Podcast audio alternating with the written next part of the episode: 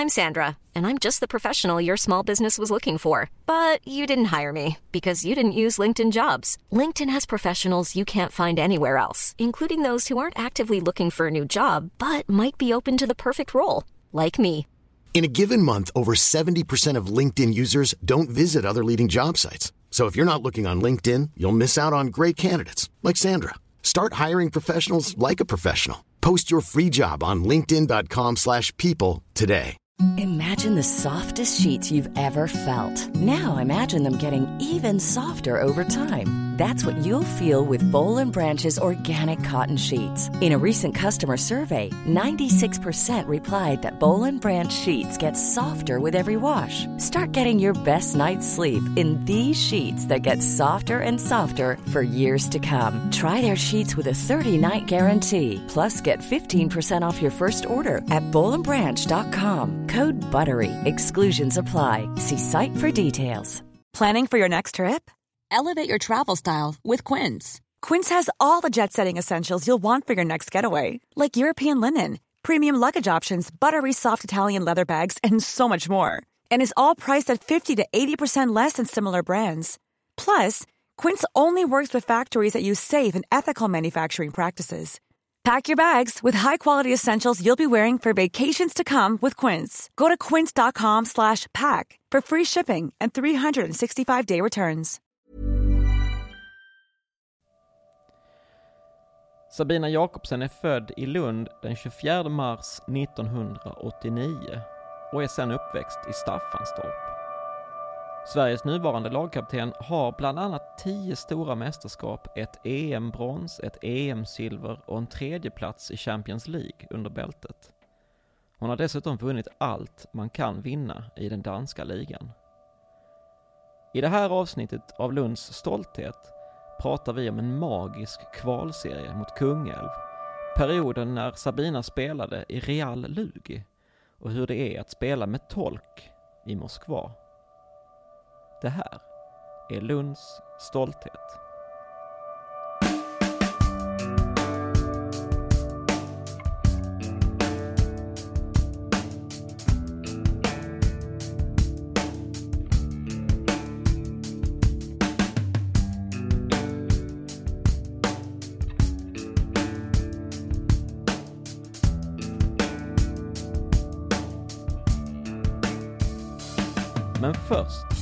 Ta reda på var i Lund flyttlasset gick från Staffanstorp. Då hamnade vi på Järnåkra. Och där bor mamma fortfarande idag. Eh, hon köpte en lägenhet där och eh, ja, vi flyttade dit. Och det var mycket för också, det skulle underlätta både för mig och min bror som eh, gick på gymnasiet på Polhem båda två. Att vi skulle slippa pendla från Staffanstorp och istället bara kunna ta cykeln till skolan. Så att eh, det var väldigt praktiskt. Och sen var det också såklart för min handboll, eh, att det skulle bli mycket lättare för mig att jag kunde ta mig själv till träningarna och så. När började du spela handboll? Jag, nio. Nio var så jag började på riktigt liksom. I, i Lugi och i ett lag. Innan dess hade jag varit på någon bollskola men jag tyckte inte om det. Jag tyckte man lekte för mycket. Det var inte den handbollen som jag hade sett. Och att man spelade och så här utan det var mest olika lekar och så. Så det var inget för mig. Men du, du är ju lite uppväxt med handboll eller? Ja, men alltså mamma har ju alltid varit eh, assisterande tränare så länge jag kan minnas för Luges herrlag. eh, Så att eh, jag var ju alltid med på träningar, både jag och min bror, och satt på läktaren och ritade och så medan herrarna tränade. Och vi följde även med på bortamatcher och så här. Och, ja, men var, är uppvuxen med handbollen. Eller uppvuxen i hall.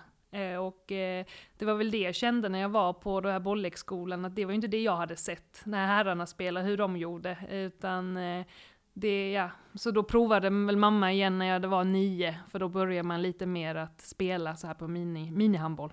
Och man spelade ändå, ja, det var ju handbollsregler, man skulle skjuta mål och så här. Och det var det jag tyckte om. Vem är det som tränar dig där? Ja men det är ju Emma Debo och Anne Hultgren. Ja. Som jag har i, i, kanske inte riktigt från början, men det var ja, i alla fall andra, andra året eh, så var det de som hade oss. Och de har ju tränat många generationer i Lugi får man säga. Var de bra tränare? Ja, verkligen. Alltså jag tror det var inte bara handbollsmässigt, utan det var alla värderingar och så utanför handbollen också, och i livet. Man lärde sig väldigt mycket, både med regler och ramar och hur man ska uppföra sig och så. Så att, eh, nej, självklart, de var jättebra förebilder för oss unga tjejer, och man lärde sig väldigt mycket.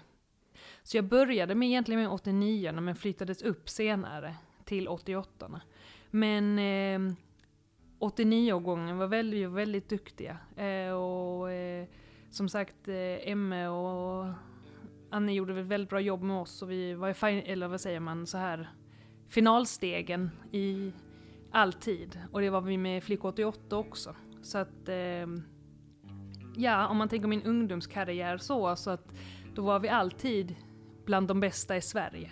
Eh, och fick alltid spela de här roliga och viktiga matcherna. Jag vet inte vad de kallar det nu när man går så till finalspel i ICA-cupen, hette det då, flick-SM och så här. Eh, men då hette det steg 5. Ja. Och det gick vi alltid till.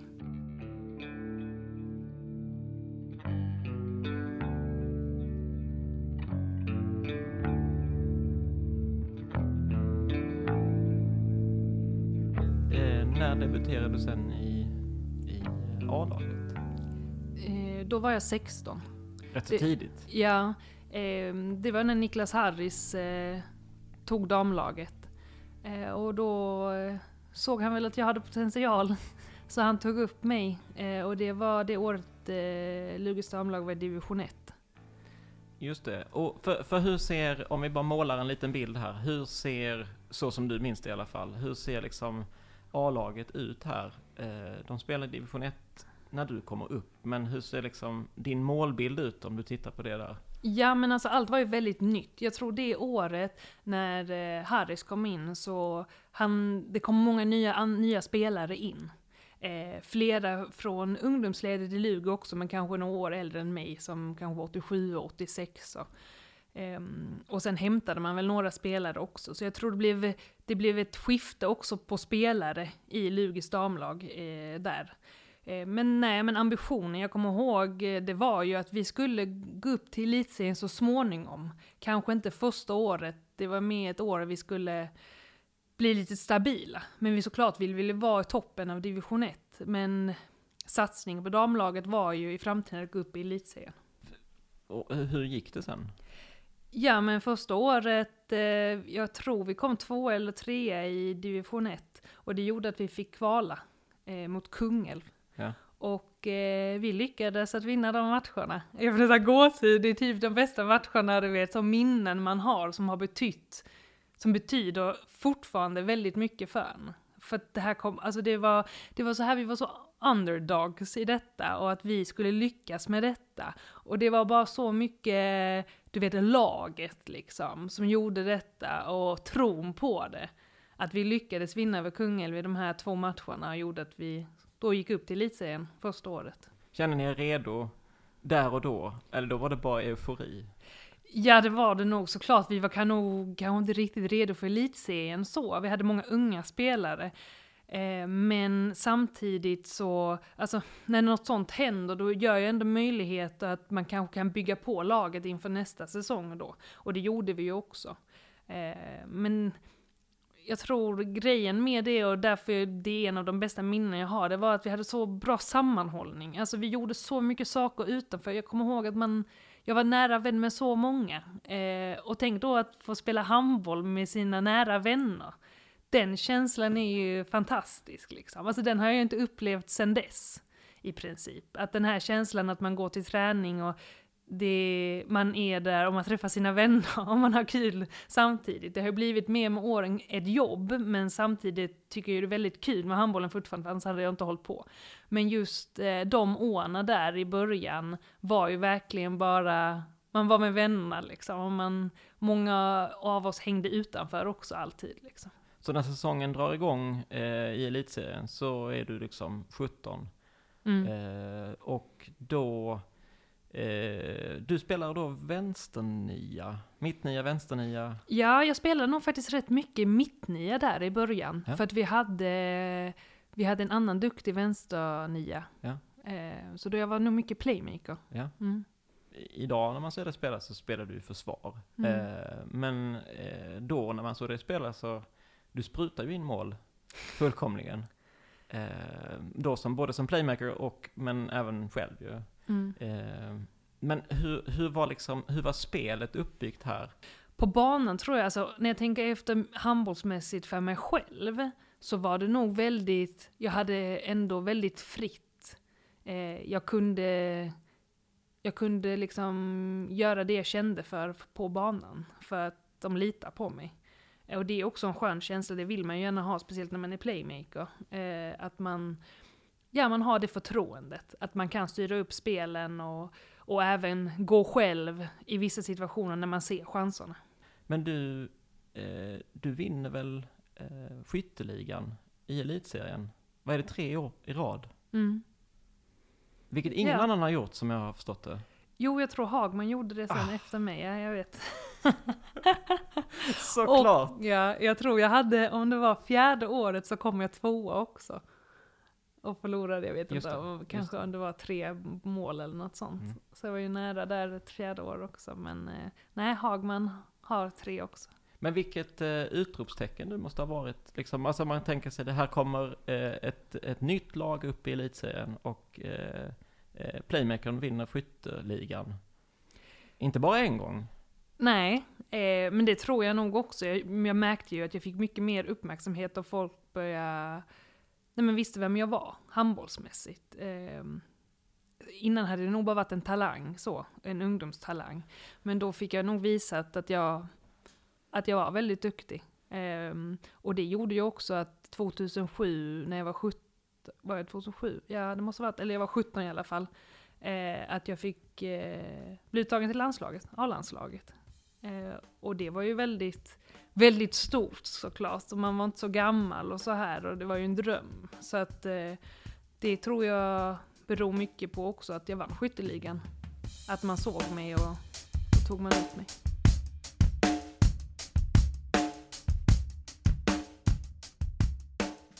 Man märkte att satsningen på Lugis damlag blev mer och mer hela tiden för varje år som gick. Och eh, ambitionerna var högre från klubbens sida också. Och det var ju väldigt roligt som spelare. Eh, att man faktiskt vill vara i toppen och vill ta ett SM-guld. Att det finns de ambitionerna. Eh, och det märkte man ju också varje år att vi, vi fick fler spelare. Eh, jag menar ett år där kallades vi Real Lugi. Och det var ju för att vi, vi fick några landslagsspelare eh, in i truppen. Och det gjorde ju på något sätt också att vi kunde konkurrera med Sävehof. Bland annat som då var, var bäst. Och vilka andra landslagsspelare är det som kommer in? Om du kommer ihåg. Ja men när de kallade oss Real Luger då var det ju Petra Skogsberg, Nathalie Hagman och eh, Therese Walter. Och då var ni liksom, Då var vi Real Luger. Nej men eh, där hade vi ju, vi hade ju, nu drog ju Hagman korsbandet eh, tyvärr. Men vi hade, där hade vi, om det var två år där vi hade riktigt bra lag. Där vi verkligen kunde konkurrera med Sävehof. Och sen hade vi alla de här unga eh, spelarna som, som var talanger då, eh, men som är proffs idag. Eh, som också fick chansen. det, det är ett jäkla gäng ni har. Eh, Ja, alltså när man det. bara tittar namnmässigt. Ja, ja. Eh, sen i vilken, liksom, vilken utvecklingskurva de hade efter det, liksom, det är en Ja. sak. Men ja, det är det. Alltså, som sagt, alla var kanske inte i toppen av sin karriär just då, för många var unga. Men ja, det är klart att vi, vi hade ju, vi hade verkligen ett lag som kunde konkurrera med Sävehof. ni spelar final i Malmö Arena eh, då 2012. Eh, mot Sävehof, såklart. Mm. Det är alltid eh, roligt och en upplevelse att spela för mycket publik. Och det var som sagt första gången vi var i final och någonting som man liksom har jobbat för i många år och något man har liksom tänkt att här ska vi stå en dag och där stod vi. Eh, såklart eh, hade det ju varit smakat mycket bättre med en guldmedalj, men eh, jag, var ändå, jag kommer ihåg att jag var ändå väldigt nöjd att vi ändå hade tagit oss hela vägen dit. Ehm, jag kommer ihåg också det året för mig, det hade varit hårt för jag hade haft problem med mitt knä. Eh, och ja, jag var väl under hela våren där var det väl osäkert, kan jag spela, kan jag inte spela och så. Jag hade sånt stort knäskydd och så här. Eh, men ja, det, det var såklart en stor upplevelse, det var det. Eh, och speciellt att man, man fick spela för sin moderklubb och få spela en final för dem. Men om man jämför finalen och den här kvalserien mot Kungälv.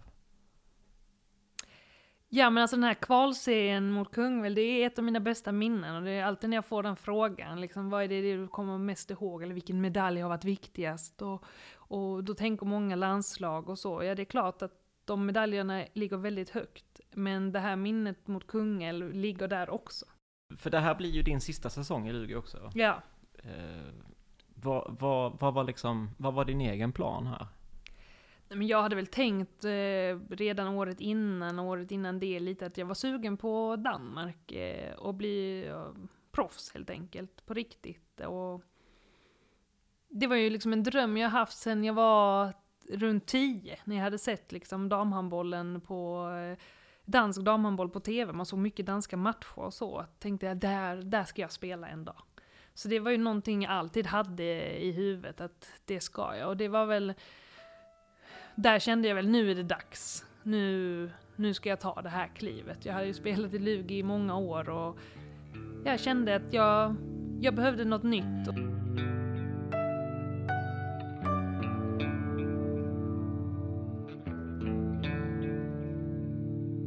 Hur, hur kommer det sig nu att du kom till Randers? Uttalar jag det rätt? Mm, ja, det gjorde du. Ja, tack. Ja, men alltså då... Eh, då började ju, okej okay, jag skulle till Danmark så, och då var det, då tränaren där, Jan Leslie, eh, han eh, tog kontakt med mig, och, eller via agent så, bara vi vill jättegärna att du kommer till oss. Eh, och då tänkte jag det var ett topplag i Danmark liksom. Topp, det, å, det året vann de, eh, vann de ligan. Så att eh, de var i alla fall topp tre i Danmark. Och då åkte jag över till Danmark en dag. Mamma fick följa med. Och hade möte och han presenterade eh, han själv och laget och hur det fungerar i Randers och så. Och sen så var han väldigt engagerad i hur jag skulle vara på laget och hur, vilken roll jag skulle ha och hur han tänker och vilka andra spelare han ville ha på laget och så här. Och då kände jag verkligen, han vill verkligen att jag ska komma hit. Eh, han har en tanke med detta och han ser mig gärna spela i hans lag. Han ser vad jag är duktig på och han vill utnyttja mina kompetenser. Eh, och jag kände väl också att det han såg hos mig som spelare var väl så jag kände själv också, de kvaliteter jag såg själv. Så det kändes som en bra match. så att det gick nog rätt snabbt där. Eh, och jag pratade med några andra klubbar också i Danmark. Men, men det var just Danmark du ville till? Ja, det hade jag redan bestämt mig för. Eh, vid den här tidpunkten heller, det här var 2012, Europa, spe, alltså spela ute i Europa i andra länder och klubbar, det var inte så aktuellt just då. Speciellt inte för svenskar eller skandinavier. Det var, då skulle man stanna i, i Sverige, Danmark eller Norge så. Kanske till Tyskland liksom. Mm. Men, men eh, och hur är din danska? Eh, den har varit bättre. Är det så? ja. När jag bodde i Danmark så var den bättre. Men jag, jag kan fortfarande, jag förstår allting och jag kan göra mig förstådd. Men har du lärt dig danska hemma? När jag var liten, mamma, jag pratade nog flytande danska tills jag var sex, sju. Ja, för din mamma är ju danska, ja, ska vi, precis. får vi påpeka ändå. För. Eh, men sen sa de, när jag skulle börja skolan, så sa de till mamma att eh, du får sluta prata danska med henne, för att hennes svenska är inte tillräckligt bra. Så då fick mamma sluta, och det var lite synd, för jag tror ändå min svenska hade blivit bra så småningom. Eh, men hon slutade, och då tappade man ju det rätt snabbt när man inte hörde dagligen. Eh, men jag har alltid, ända sedan jag var liten, har jag alltid förstått all danska så, men det har väl inte varit om man har pratat. Eh, och Randers ligger eh, ungefär 30 minuter norr om Århus, om man vet, det ligger rätt det är tredje största stan i, eller byn som man säger på danska, mm. i Danmark. Och, hur, är, hur är livet där, när du flyttar dit? Eh, jo men det är rätt bra. Alltså jag har ju bara fokus på handboll. Eh, att jag ska vara proffs liksom, och bara bli bättre. Eh, och det funkade ju väldigt bra. Jag bodde i ett litet hus på en innergård, jättemysigt, och klubben tog jättebra hand om mig. Eh, man lärde känna många danskar i laget såklart. Eh, Och eh, jag blev även klubbkompis då med Ulrika Ågren. Och vi hade ju träffats lite på landslaget innan eh, och kände varandra lite eh, innan. Och det var ju väldigt skönt. Det var ju en trygghet att man hade någon. Och hon är också några år äldre än mig. Så att det gjorde väldigt mycket. Och vi är väldigt goda vänner idag. Så att eh, det är ju också kul när man har spelat med några tjejer som man fortfarande har väldigt bra kontakt med idag. Men eh, första säsongen i Randers, det, och det, det går som vatten? Det går skitbra. Ja. som sagt vann ju Randers där och året innan jag kom vinner de danska ligan. Eh, och det innebär ju att de får Champions League-plats.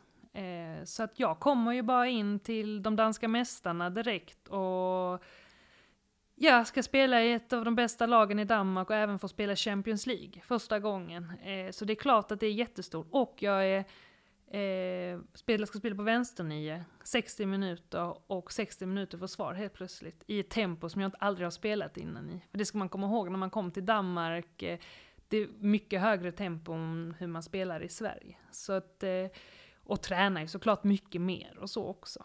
Ehm, eftersom att det är det enda man gör. Det är ju ingen som jobbar vid sidan av eller så här. Så att det, det var en stor omställning. De första två månaderna var riktigt jobbiga, kommer jag ihåg. Men eh, man kom in i det väldigt snabbt ändå. Eh, och som sagt, eh, i den åldern, alltså om min kropp var bra och allt kändes jättebra, då kör man ju bara på.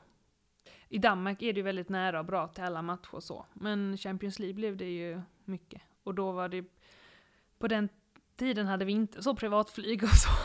Utan då var det ju tidigt upp.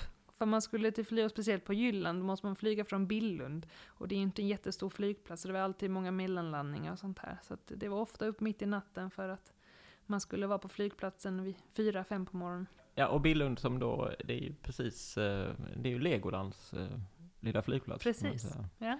Eh, hur, hur, går första säsongen i, i, i ligan för, för Randers? Ja, men vi åker ut i semifinalen mot, jag kommer inte ihåg om det är vem vi åker ut mot i semifinal. Men eh, vi tar bronspengen i alla fall. Är ganska nöjda ändå eller? Ja, vi ville väl vara i final, men eh, det blev inte så. Eh, vi hade väl en del skador under säsongen, men vi var väldigt få, tyvärr. Men eh, ja, vi var väl helt, helt okej. Okay.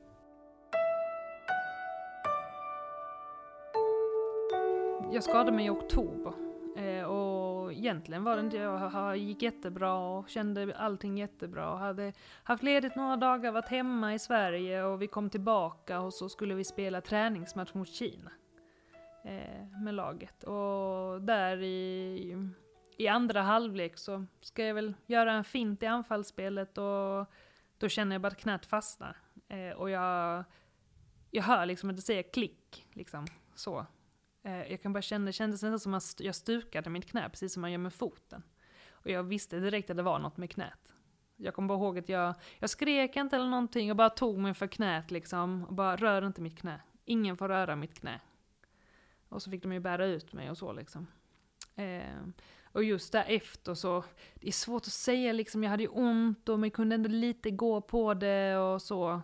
Eh, och vi gjorde ju ingen bedömning direkt efter, utan jag åkte hem. Eh, men märkte att jag fortfarande hade ont och det svullnade. Och då åkte jag in till vår läkare på kvällen, hem till honom bara sent på kvällen. Han bara, jag kommer bara ihåg när jag skulle gå upp för trappan in till hans hus. Så skakade han bara på huvudet liksom. Jag tror han såg det direkt liksom, att det är korsbandet som har gått.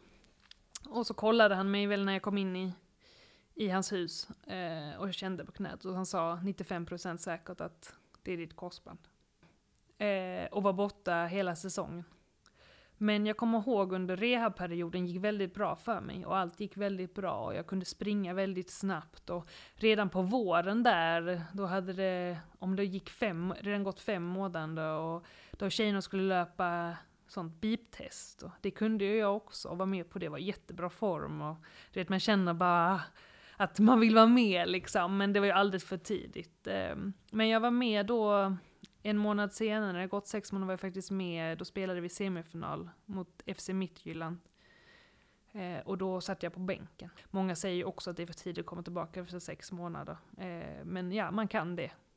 Så att jag var med och var spelklar och skulle vara med och lägga straffar om det behövdes. Apropå då FC Midtjylland, för det är ju där du hamnar sen. Ja, men där redan, alltså jag opererades i december, i början av december. Och i början av januari så tar FC Midtjylland kontakt med mig. Och säger att de vill att jag ska spela med dem. Nästa år. Eh, och då hade det varit lite, egentligen hade jag ett plusår med Randos. Eh, men eh, Randos hade haft, fick ekonomiska problem och ville att jag skulle gå ner i lön. Och det var jag inte så intresserad av. Så att... Ehm, eh, och det var Helle Thomsen som var tränare och Helle Thomsen som tog kontakt med mig och pratade. Och hon såg gärna att jag spelade för dem. Samma position? Eh, ja, som vänsternia. Mm. Ja, försvaret såklart. Mm. Eh, och ja, jag tyckte det blev... Och detta är lite närmare Billund? Ja, det är det. det, är det. Eh, nej men jag tyckte väl att, vet, jag hade precis nyopererad, hade ens inte börjat springa och så. Och just då var ju Midtjylland topp två lag liksom. Det året spelade de Champions League och spelade även, kom till Final Four i Champions League.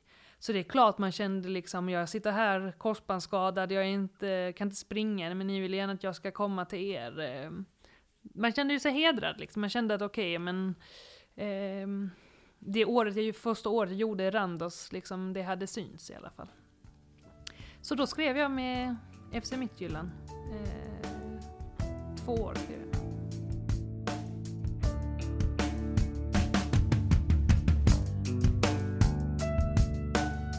Vem spelar i FC Midtjylland då? Eller Tompan är din tränare? Ja. Eh, då spelar bland annat Stine Jörgensen, den lagkapten på det danska landslaget. Nicky Groth, holländska playmakern som varit många år i Gör. Eh, en linjespelare som också spelar på danska landslaget, Susanne Torsgård. Eh,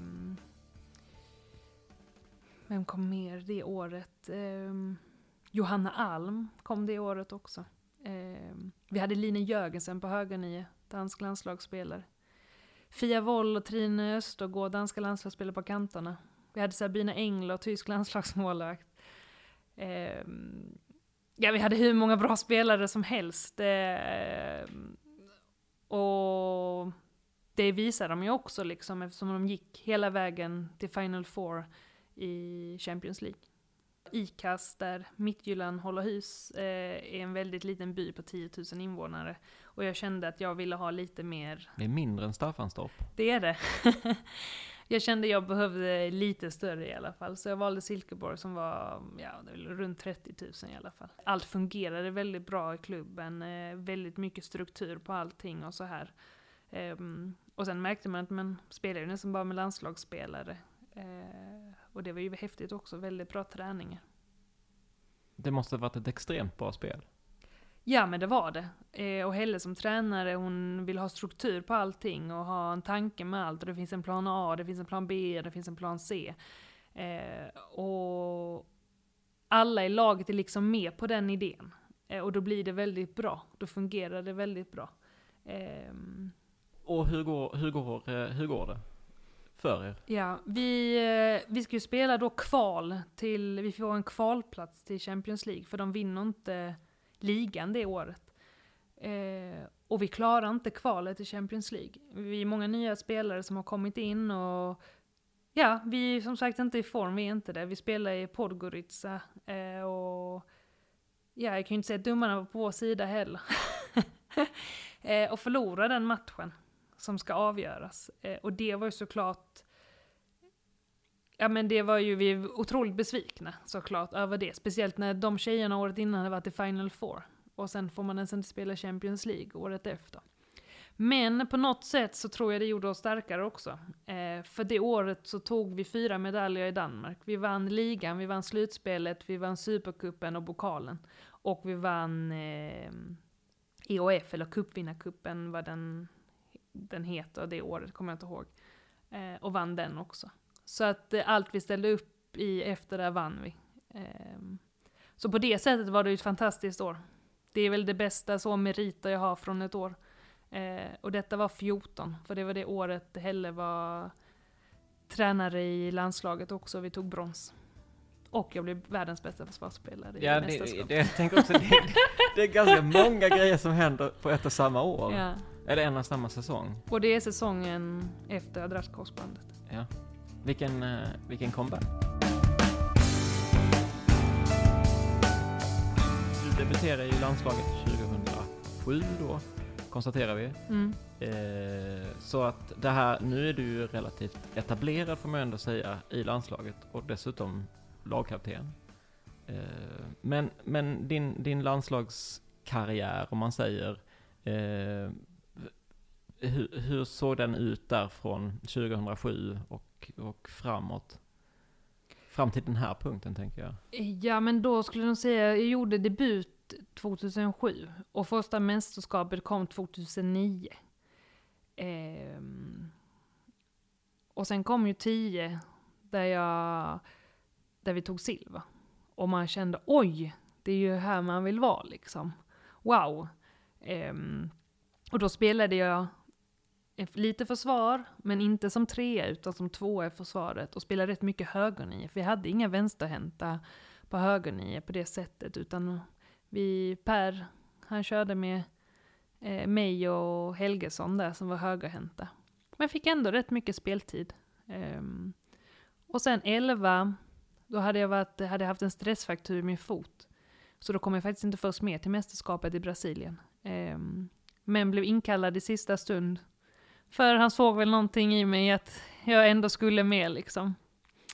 Eh, och sen så 12, då var det ju ett OS på sommaren. Och det var det, mitt sista år i Lugi där jag hade problem med knät. Och där de faktiskt gick in och tog bort en liten sak i knät. Eh, men behövdes inte så mycket rehab. Så det missade jag. Eh, och sen så tar Klingvall över ju. Eh, och så spelar vi mästerskap och då blir jag lagkapten också. Eh, För då är det Johanna Wiberg som är lagkapten under din, när du kliver in i landslaget och sen lämnar över detta till dig eller? eh, jag lämnar över vet jag inte. Jag vet inte om det Hon funkar slutar. så. här har du Sabina, här har du vinlen. Nu går jag, Eh, varsågod. Ja, varsågod. Nej, eh, ja men Johanna och några andra av de äldre tjejerna vid den tidpunkten eh, slutar. Eh, och då har vi vårt första mästerskap där med och då spelar jag mycket försvar. Ehm, och sen 13 kvalificerar vi oss inte till mästerskapet. Och det är också där på hösten jag drar korsbandet. Så det är ett dåligt år. Så det är ett dåligt år helt enkelt. Jag missade ingenting där när det gäller landslaget. eh, och sen kom jag tillbaka och då är vi vid 14. Och, och det mästerskapet 14, berätta lite. Nej men då hade jag ju ändå lärt känna Helle och jag tyckte om hur hon tänkte handboll och hennes värderingar om handboll och väldigt liksom smart coach. Alltså hon alltid otroligt bra förberedd. Om man skulle fråga om någon spelare i motståndare, hon kunde allt och hade koll på allt och hur vi skulle göra och olika varianter för bara sådana små detaljer men som man kanske tränar på ett helt år. Men man använder bara de de viktigaste matcherna. När det väl behövdes så plockar man fram dem. Eh, och med Midtjylland hade vi vunnit så många matcher på grund av det. Att det var saker som vi faktiskt hade tränat hela året på, men inte använt det i match. Och sen bara plötsligt behövde vi det, för vi behövde ett mål eller så här. Och så bara satt det, för vi hade tränat på det så länge. Så jag visste lite vad hon kunde och så här, och var väldigt glad att hon kom in i landslaget. Eh, vi behövde det just då. Så att... Eh, Nej, mina förväntningar var nog ändå rätt höga på det mästerskapet. För att vi hade ett bra lag också. Ehm, och vi hade Helle bland annat där på bänken. Och var, var, var beger ni er och hur är liksom matcherna fram till? Ja men då är det så att det är två länder som delar på mästerskapet. Eh, Det är Kroatien och Ungern. Och vi började i Kroatien. För det var de fyra lagen som skulle spela semifinal och final eller tredje pris där. Det var i Budapest. Och dit skulle vi liksom. Eh, Och dit lyckades vi ju gå. Såklart, vi spelar mot Norge i semifinal, om jag helt minns rätt. Men jo, men det gör vi. Eh, och det är klart att de är just då världens bästa lag. Så att eh, vi vet att det kommer bli jättetufft. Eh, men fortfarande att vi tror på det. Eh, men lyckas inte i semifinalen. Och jag kommer bara ihåg att efter där så har vi möte efter matchen och då, då säger Helle bara att det här var på fredagen. Och så har man ledigt lördag och så spelas då tredje, fjärde eh, matchen på söndag. Då säger jag bara heller, ni är helt ledigt imorgon. Eh, vi har inget möte eller någonting. Ni samlar tankarna, gör precis det ni vill. Eh, och det ni känner för. Mm, för det är ju ofta som är på mästerskap, det är väldigt intensivt och man är väldigt trött och så här. Och det var ett vinnande koncept. Då möter vi Montenegro och de har vi faktiskt mött i gruppspelet och förlorat. Eh, och då möter vi dem i, i den matchen. Så det är lite revansch. De misstagen vi hade gjort när vi mötte dem i gruppspelet, eh, de hade vi kollat mycket på och väl sett hur skulle vi göra annorlunda för att eh, kunna utnyttja deras svagheter. Ja, det var, det var tufft men vi ville nog lite mer också och ville verkligen ha det där bronset. FC Midtjylland hamnar ju lite grann eh, i... Var det någonting du märkte av? Att det liksom, någonting som hackade i maskineriet eller var det liksom? Mm, egentligen inte, man märkte väl alltså, de två första åren var Helle där ju. Och så var det ett OS-sommar, eh, Och så kom man tillbaka där den sommaren. Och sen så får Helle sparken av klubben. Egentligen, säsongen har inte startat än liksom. Vi har inte spelat vår första match. Det är klart att det kändes väldigt konstigt och vi tjejer var ju väldigt nöjda med henne så att eh, jag vet inte om man gjorde allt för att det skulle funka eller man bara var trött på det. För att man, alltså Helle var ju också någon som krävde väldigt mycket. Eh, hon ville ha det på sitt sätt, så det ska man komma ihåg. Och, men många gånger var det också för spelarnas bästa. Hon hade krav på att vi skulle få saker i tid, att resorna skulle vara bra och så här. Eh, och det var ju för att vi skulle kunna prestera många gånger. Ehm, men jag kan ju förstå att hon, det var jobbigt för klubben också att ha en sån som hela tiden är där och tjatar och kräver saker och så. Och det gick väl inte, det gick väl inte så bra däremellan. Ja, de bestämmer ju sig för att satsa på fotbollen istället i alla fall. Ja. Och säger att nu, nu får det vara bra med det här. Ja. Hur var det mötet, tänker jag? Ja, men det är klart att man det var ju jobbigt, tråkigt. Man hade kommit till en klubb som liksom var bland de bästa och hade de jättehöga ambitioner och ville vara bland de bästa i Europa också. Och så plötsligt så märkte man liksom att ambitionerna gick lite neråt. Um, ja men egentligen var det faktiskt så här att jag skrev eh, för att Mikael ville jättegärna att jag skulle stanna. Och redan under hösten Eh, så hade jag, var vi på möten och sånt och de gav mig ett jättebra kontrakt. Och jag kände att jag kan inte säga nej till detta. Jag kommer inte ha det så här bra i Danmark liksom. Eh, så jag valde att skriva på och förlänga ett år till. Eh, men sen i eh, januari, februari öppnade det där och Helle ringer till mig och säger att, att du, eh, alltså jag ska till eh, Bukarest. Jag vill att du ska med. Och bara, ja men jag har ju precis skrivit på, hur ska vi lösa det? eh, men vi får lösa det. Kan vi inte se om klubben, eh, om du kan försöka komma ur kontraktet eller vi kan köpa ur dig eller någonting. Eh, så då börjar den processen. Eh, att försöka komma ur kontrakt och det är inte så lätt. Speciellt när klubben verkligen vill att du ska vara i den klubben. Jag kommer ihåg att vi sa, men kan ni inte komma med ett bud liksom? Vad det skulle kosta att komma ur liksom. Och då slängde de bara ut sig. Jag kommer ihåg det var en halv miljon danska. Skulle betala för att komma ur. Och det, de pengarna fanns ju liksom inte. Och Bukarest ville ju heller inte betala, de ville ju inte betala för mig. Eh, för det är lite så policy där nere att det gör man inte. Eh, men jag trodde ju när vi gick på semester i i slutet av maj så hade de bara sagt nej men det blir inget liksom. Du, du ska vara här. Um, och så får de ekonomiska, ekonomiska problem. Så jag får ett besked, jag tror det är 17 juni. Eh, att eh, agenten ringer och säger Sabina, du, FC Midtjylland ringde och frågade om du fortfarande hade möjlighet att gå till eh, Bukarest. Och jag hade ju haft kontakt med Helle egentligen hela våren, lite så halvt som halvt, att, att försöka hitta en lösning. Eh, och eh, nej, vi ringde väl bara till henne och sa jo men det finns fortfarande chans, det, du kan komma hit. Och då där, ja, mitt i semestern, jag kommer ihåg att jag var i Montenegro i Budva. eh, då började vi förhandla och försökte se vad vi kunde göra för att det skulle komma ur kontraktet. Eh, utan att betala för mycket. Liksom. Och det löste sig. Midtjylland gick med på det mesta och kunde då signa med eh, Bukarest.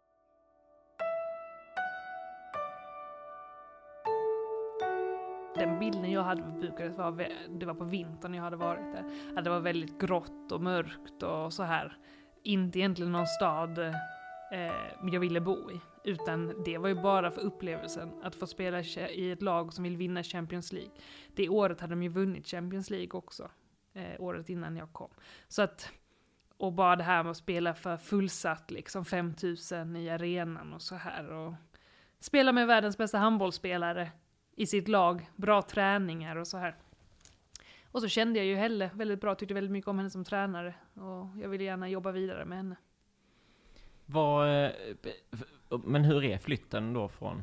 Det går ju väldigt snabbt liksom. Jag ska ju flytta egentligen där inom en månad. Mindre än en månad flyttar jag till Bukarest. Eh, Men då, hade, då spelade ju redan eh, Isabel Guldén där och eh, Nathalie Hagman hade ju redan skrivit på. Och det gav ju också på något sätt en trygghet att jag är ju inte här själv liksom. Men hur är livet i Bukarest för dig? Eh, jo, men jag trivs väldigt snabbt. Jag, jag tycker om värmen. Och det är väldigt varmt där och sol många dagar och så här. Och man kan vara ute väldigt mycket, många delar av året. Så att jag, jag hittar liksom på något sätt... Eh, jag trivs i min lägenhet det börjar kännas liksom som hemma. Och jag trivs med mina vardagar och trivs med, ja, med de rutiner som jag får in väldigt mycket. Eh, och jag vet inte, livet är väldigt enkelt där liksom. Den, den inhemska ligan här, hur, Mm. hur är den? Nej men den är ju inte bra. Eh, speciellt inte det första året där. Det finns väl något lag så vi kan förlora mot, men annars är det väldigt lätt för oss. Och speciellt det laget vi har på pappret ska inte finnas en chans att vi förlorar. Eh, allt fokus ligger på Champions League. Och att man ska till Final Four. Och eh, hur går det? Det är många stjärnspelare som ska spela tillsammans och få det att fungera och det är inte alltid så lätt. Eh, även om man har de bästa spelarna på pappret så... Alla är vana vid att styra. Ja, men lite så är det. Alla är ju vana att vara stjärnor i sina lag och så kommer man och så kanske man inte får lika mycket bollar på kanterna eller man får lika många inspel någon som skjuter hela tiden och spelar för sig själva och så. Det är svårt att få ihop liksom. Folk som sitter på bänken som är landslagsspelare som inte får spela och ja. Så det var väl lite upp och ner liksom. Ehm, och ja, men vi går som sagt eh, till kvartsfinal. Eh, och innan dess så får ju Helle sparken. Så att eh, hon får inte vara kvar. Ehm, och då kommer Per Johansson och tar oss i, i kvartsfinalerna. Eh, och så vinner vi mot Mets i kvartsfinalerna och går då till Final Four i Budapest. Eh, och där förlorar vi, förlorar vi semifinalen mot eh, Gör och får spela om bronsmedaljen. Och den vinner vi då över Rostov Don. Så vi kommer tre. Men, eh, men Helle fick inte vara med och, och skörda den frukten där. Nej, vi förlorade match i ligan Eh, just eh, några veckor innan detta. Eh, och då såg väl klubben sin chans att, att eh, sparka henne. Och för också att det var, jag tror det var fler rumänska spelare som eh, var, eh, vad säger man, nu tänker jag danska i huvudet, eh, Du får säga det på danska. Oh, Så, otillfreds. ja, de, de var inte nöjda. De var inte nöjda med Ja. henne och mycket berodde väl på att det var spelare som inte spelade som satt på bänken. Mm. Eh, och det förstår jag, när man inte spelar såklart, då kanske man inte är nöjd att man får så att de som spelade hade väl inte så mycket kritik mot henne. Eh, så det, nej, det var ju klart att det var tufft. Men eh, sen kom ju Per och det var ju en svensk och jag kände honom sen innan också så att det gick ju ändå bra.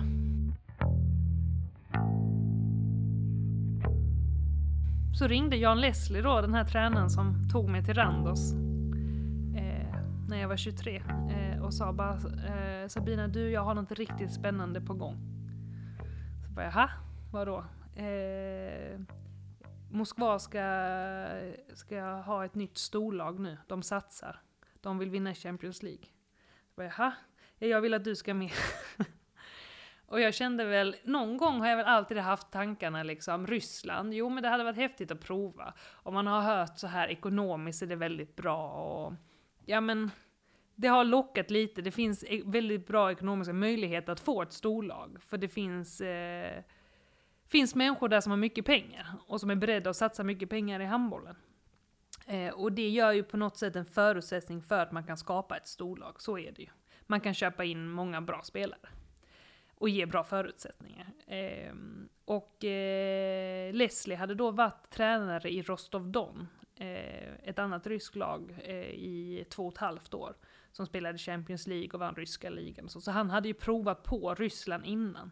Så jag var ju väldigt så trygg med honom att han skulle ju inte bara säga någonting om det inte var bra. Eh, och sen såklart att det var ju väldigt intressant eftersom jag fortfarande har ambitioner att spela på högsta nivå och få uppleva och spela de stora matcherna och så här. Och att då man vet att det är ett nytt storlag på gång liksom och att man vill göra en resa och man vill ha möjligheten att vinna Champions League. Det, det är ju lockande. Eh, mycket mer lockande än att flytta till Moskva. man ska komma ihåg, det är typ 14 miljoner i Moskva, så Moskva är jättestort. Och vi bor liksom lite i norra delen av Moskva, av stan. Eftersom anled- träningsanläggningen ligger där. Och det är ju perfekt, för vi tränar ju varje dag. Så att man vill ha nära till hall och så här. Eh, men det gör ju också att då missar man ju kanske lite upplevelsen av Moskva. Eh, och om man ska ta sig in till de delarna, det är lite mäckigt. Det kan liksom, det är ju helt sjuk trafik. Så att ska man in, kan ta 45 minuter med taxin. Och då är det inte värt det. Då blir det liksom ett projekt om man ska göra det hela tiden. Och då blir det att man håller sig i den delen vi bor på istället. Och där ju, finns ju inte lika mycket som i stan. Men hur funkar det egentligen? Det är ett helt annat språk, det är en helt annan kultur, det är en helt annan... Ja, nej, men vi har en tolk hela tiden som, som är med liksom. Eh, och tjejerna, de ryska tjejerna, några av dem kan lite engelska, men det är väldigt lite. Så att eh, jag umgås väl mycket då med makedonskan och den brasilianska tjejen. Eh, och sen Jan då såklart. Eh, och sen så är tolken med när det gäller handbollsmässigt, så på träningen och så, så har han ju alltid sin tavla med sig och visar och så. Så det blir ju inte, han, han kan de ryska handbollstermerna. Så där behöver vi inte tolken så mycket. Det är mer på taktiken, då hjälper tolken till. Och tolken hjälper ju till när vår assisterande tränare snackar ibland till oss tre då. Så att vi förstår, eller om det är något viktigt när sportchefen kommer ner. Eller WhatsApp-gruppen när de skickar ut massa saker på ryska så får vi en översättning och så här. och du ska vara där i ett år till i alla fall? Ja, jag har kontrakt nästa säsong också. Ja. För, för nu sitter vi här i, eh, vi är i Lund och det är början av april och eh, allting har ju stängts ner eh, på grund av det här coronaviruset som pågår. Så det, det, blir ju inte mer, någon mer handbollssäsong just nu. Eh, utan det tas ju upp till hösten, hoppas vi. Ja, jag vet faktiskt inte. Eh, för att vi har inte fått något besked än i Ryssland. De tror att säsongen ska igång igen. Eh, men jag är väldigt skeptisk, men eh, vad jag, vi tränar för fullt faktiskt. Vi tränar tillsammans fem gånger i veckan på den här appen Zoom. Där alla är 10-30, jag tränar vi en timme med fysisk och fysiska tränare. Så då ska ni liksom gemensamt? Ja, ja, i morse var jag, jag åkte till Gärda och ställde upp kameran där och så körde jag med tjejerna. För att alla tjejerna är isolerade så alla eh, måste vara i sina lägenheter eller hus fram till 30 april. För du lyckades då ta dig ut ur Ryssland innan, innan det blev någon form av utreseförbud? Ja, jag hade väldigt tur. Eh, redan dagen innan försökte jag få liksom tillstånd av klubben att åka. För jag såg ju att det, det blev bara värre dag för dag i Ryssland. Och jag satt i karantän i lägenheten i Ryssland på grund av att jag hade varit i Sverige tre dagar innan. Så jag skulle vara i karantän, jag hade suttit i karantän 11 dagar då. Men följde med mycket på nyheterna och så här och såg liksom att nu kommer det explodera snart här i Ryssland. Eh, men dagen innan där så klubben eller sportchefen som jag pratade med, han bara nej nej, nästa vecka ska vi börja träna igen och sen ska vi på träningsläger i slutet av april och så här. Det fanns inte någonting och vi ska spela första maj, kommer vi spela ligan igen och slutspelet. Eh, och det är klart att det är jobbigt när man själv liksom har varit i Sverige och Danmark, man ser liksom vad händer här. Och man ser liksom, ja men det kommer inte funka i Ryssland heller. Men att du vet, den man pratar med, den förstår inte riktigt. Eh, eller ser allvarligt i det. Eh, men ja, dagen efter så fick jag det här, eh, det var en av, eh, det, de är tre hockeyspelare i CSKA Moskva. Eh, svenskar. Från, från Sverige? Ja. Mm. Eh, och en av dem hade jag pratat lite med och han skrev bara till mig på morgonen, Sabina, du vet att flygplats, vi fått information nu, flygplatsen stänger klockan 12 i natt. Så om du ska hinna hem måste du med ett flyg innan dess.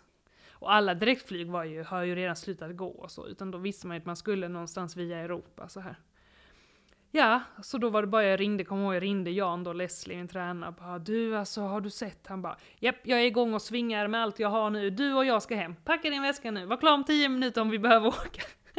och ah, jag bara jo, jo, men jag kan vara klar på tio minuter. Han bara okej, okay, vi ringer och kollar biljetter och så här, vi ska hem. Och då hade vi inte, i det läget hade vi inte fått besked om om vi fick åka från klubben.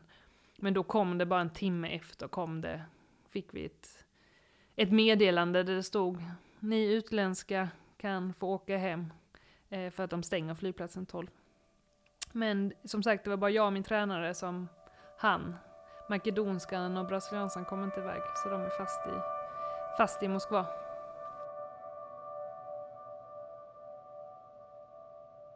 Du är ju mitt uppe i din karriär, eh, men har ju också ganska, en, du har en lång bit bakom dig. Men hur ser du liksom en bit framför dig?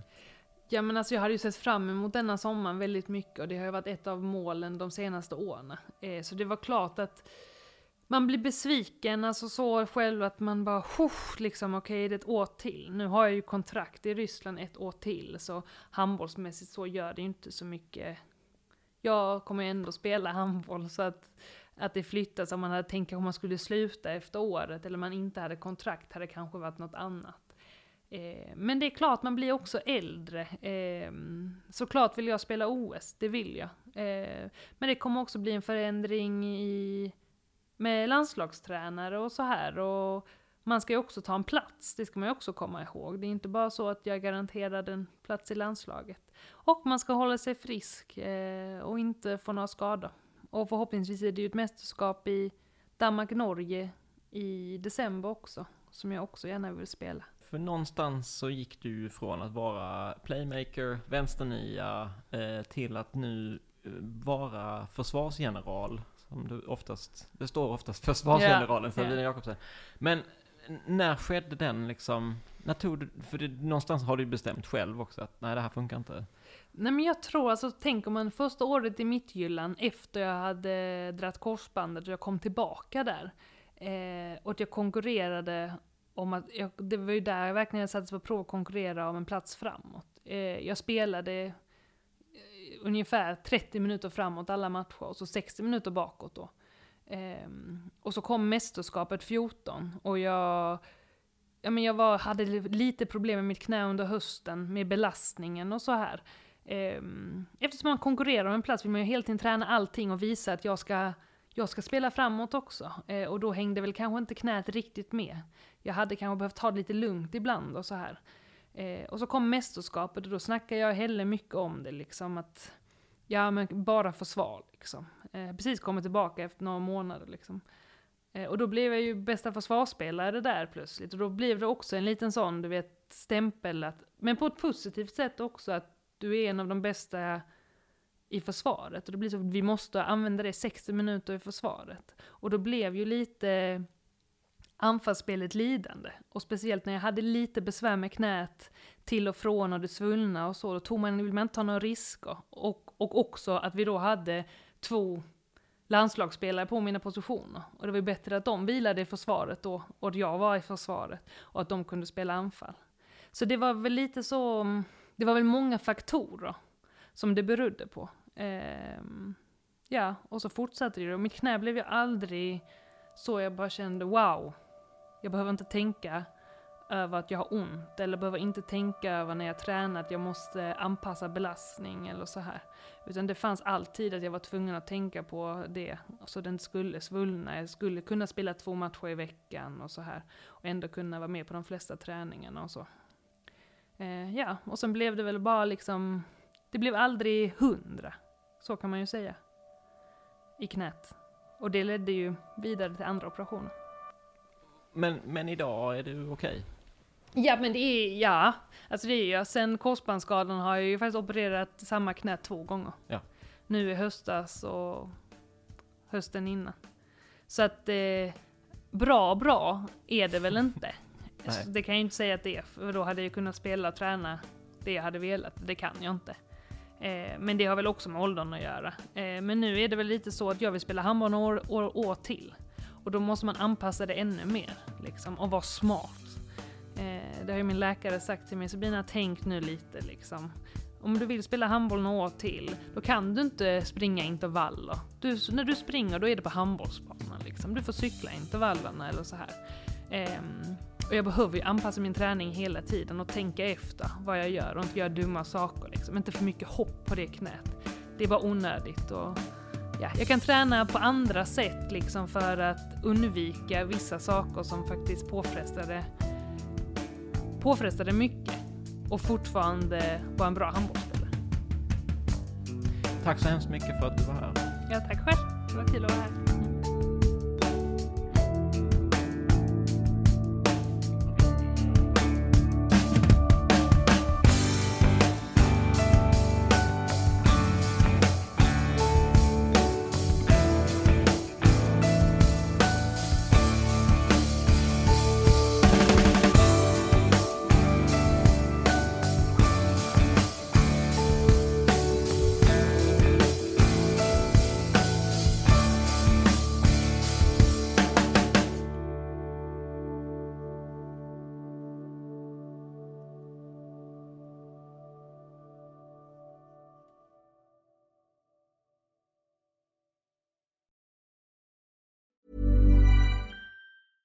Want flexibility? Take yoga. Want flexibility with your health insurance? Check out United Healthcare Insurance Plans. Underwritten by Golden Rule Insurance Company, they offer flexible, budget friendly medical, dental, and vision coverage that may be right for you. More at uh1.com. Hey, it's Danny Pellegrino from Everything Iconic.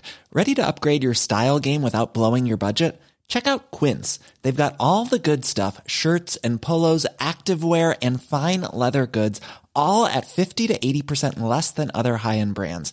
And the best part? They're all about safe, ethical, and responsible manufacturing. Get that luxury vibe without the luxury price tag. Hit up quince.com slash upgrade for free shipping and 365 day returns on your next order. That's quince.com slash upgrade. Mom deserves the best, and there's no better place to shop for Mother's Day than Whole Foods Market. They're your destination for unbeatable savings, from premium gifts to show-stopping flowers and irresistible desserts. Start by saving 33% with Prime on all body care and candles. Then get a 15-stem bunch of tulips for just $9.99 each with Prime. Round out Mom's menu with festive rosé, irresistible berry chantilly cake, and more special treats. Come celebrate Mother's Day at Whole Foods Market